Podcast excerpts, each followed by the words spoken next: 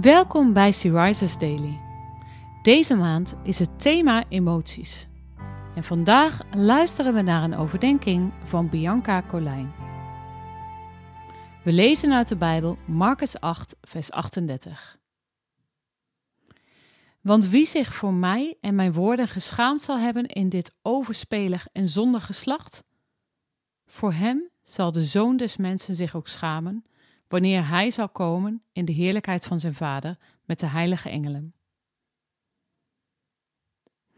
Jaren geleden, toen mijn zoon nog drie jaar was, fietste ik met hem achterop om mijn dochter van school te halen. Hij had net het liedje Jezus is de goede herder geleerd. En hij zat dat dan ook uit volle borst mee te zingen.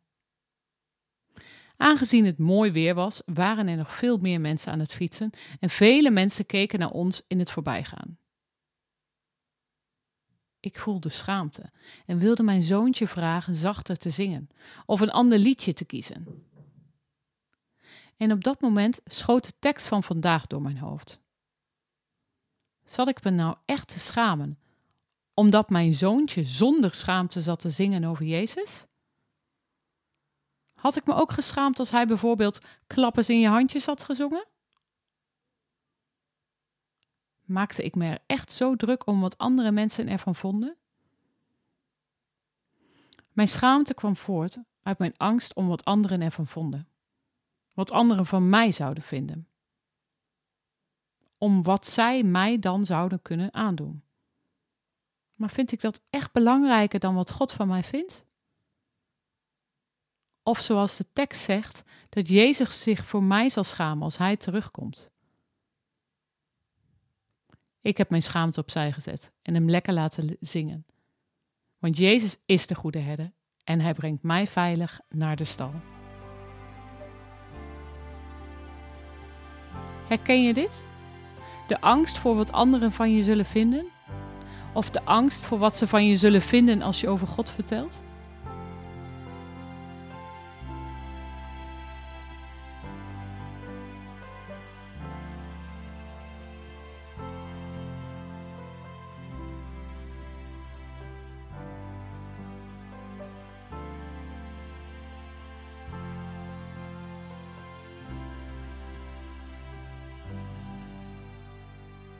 Laten we samen bidden. Vader, wilt u mij helpen om zonder angst over u te kunnen getuigen? Ik ben u zo dankbaar voor alles wat u voor mij doet. Help mij om dit zonder schaamte ook te kunnen vertellen tegen anderen. Amen. Je luisterde naar een podcast van Sea Rises. Sea Rises is een platform dat vrouwen wil bemoedigen en inspireren in een relatie met God. Wij zijn ervan overtuigd dat het Gods verlangen is dat alle vrouwen over de hele wereld Hem leren kennen. Kijk op www.she-rises.nl voor meer informatie.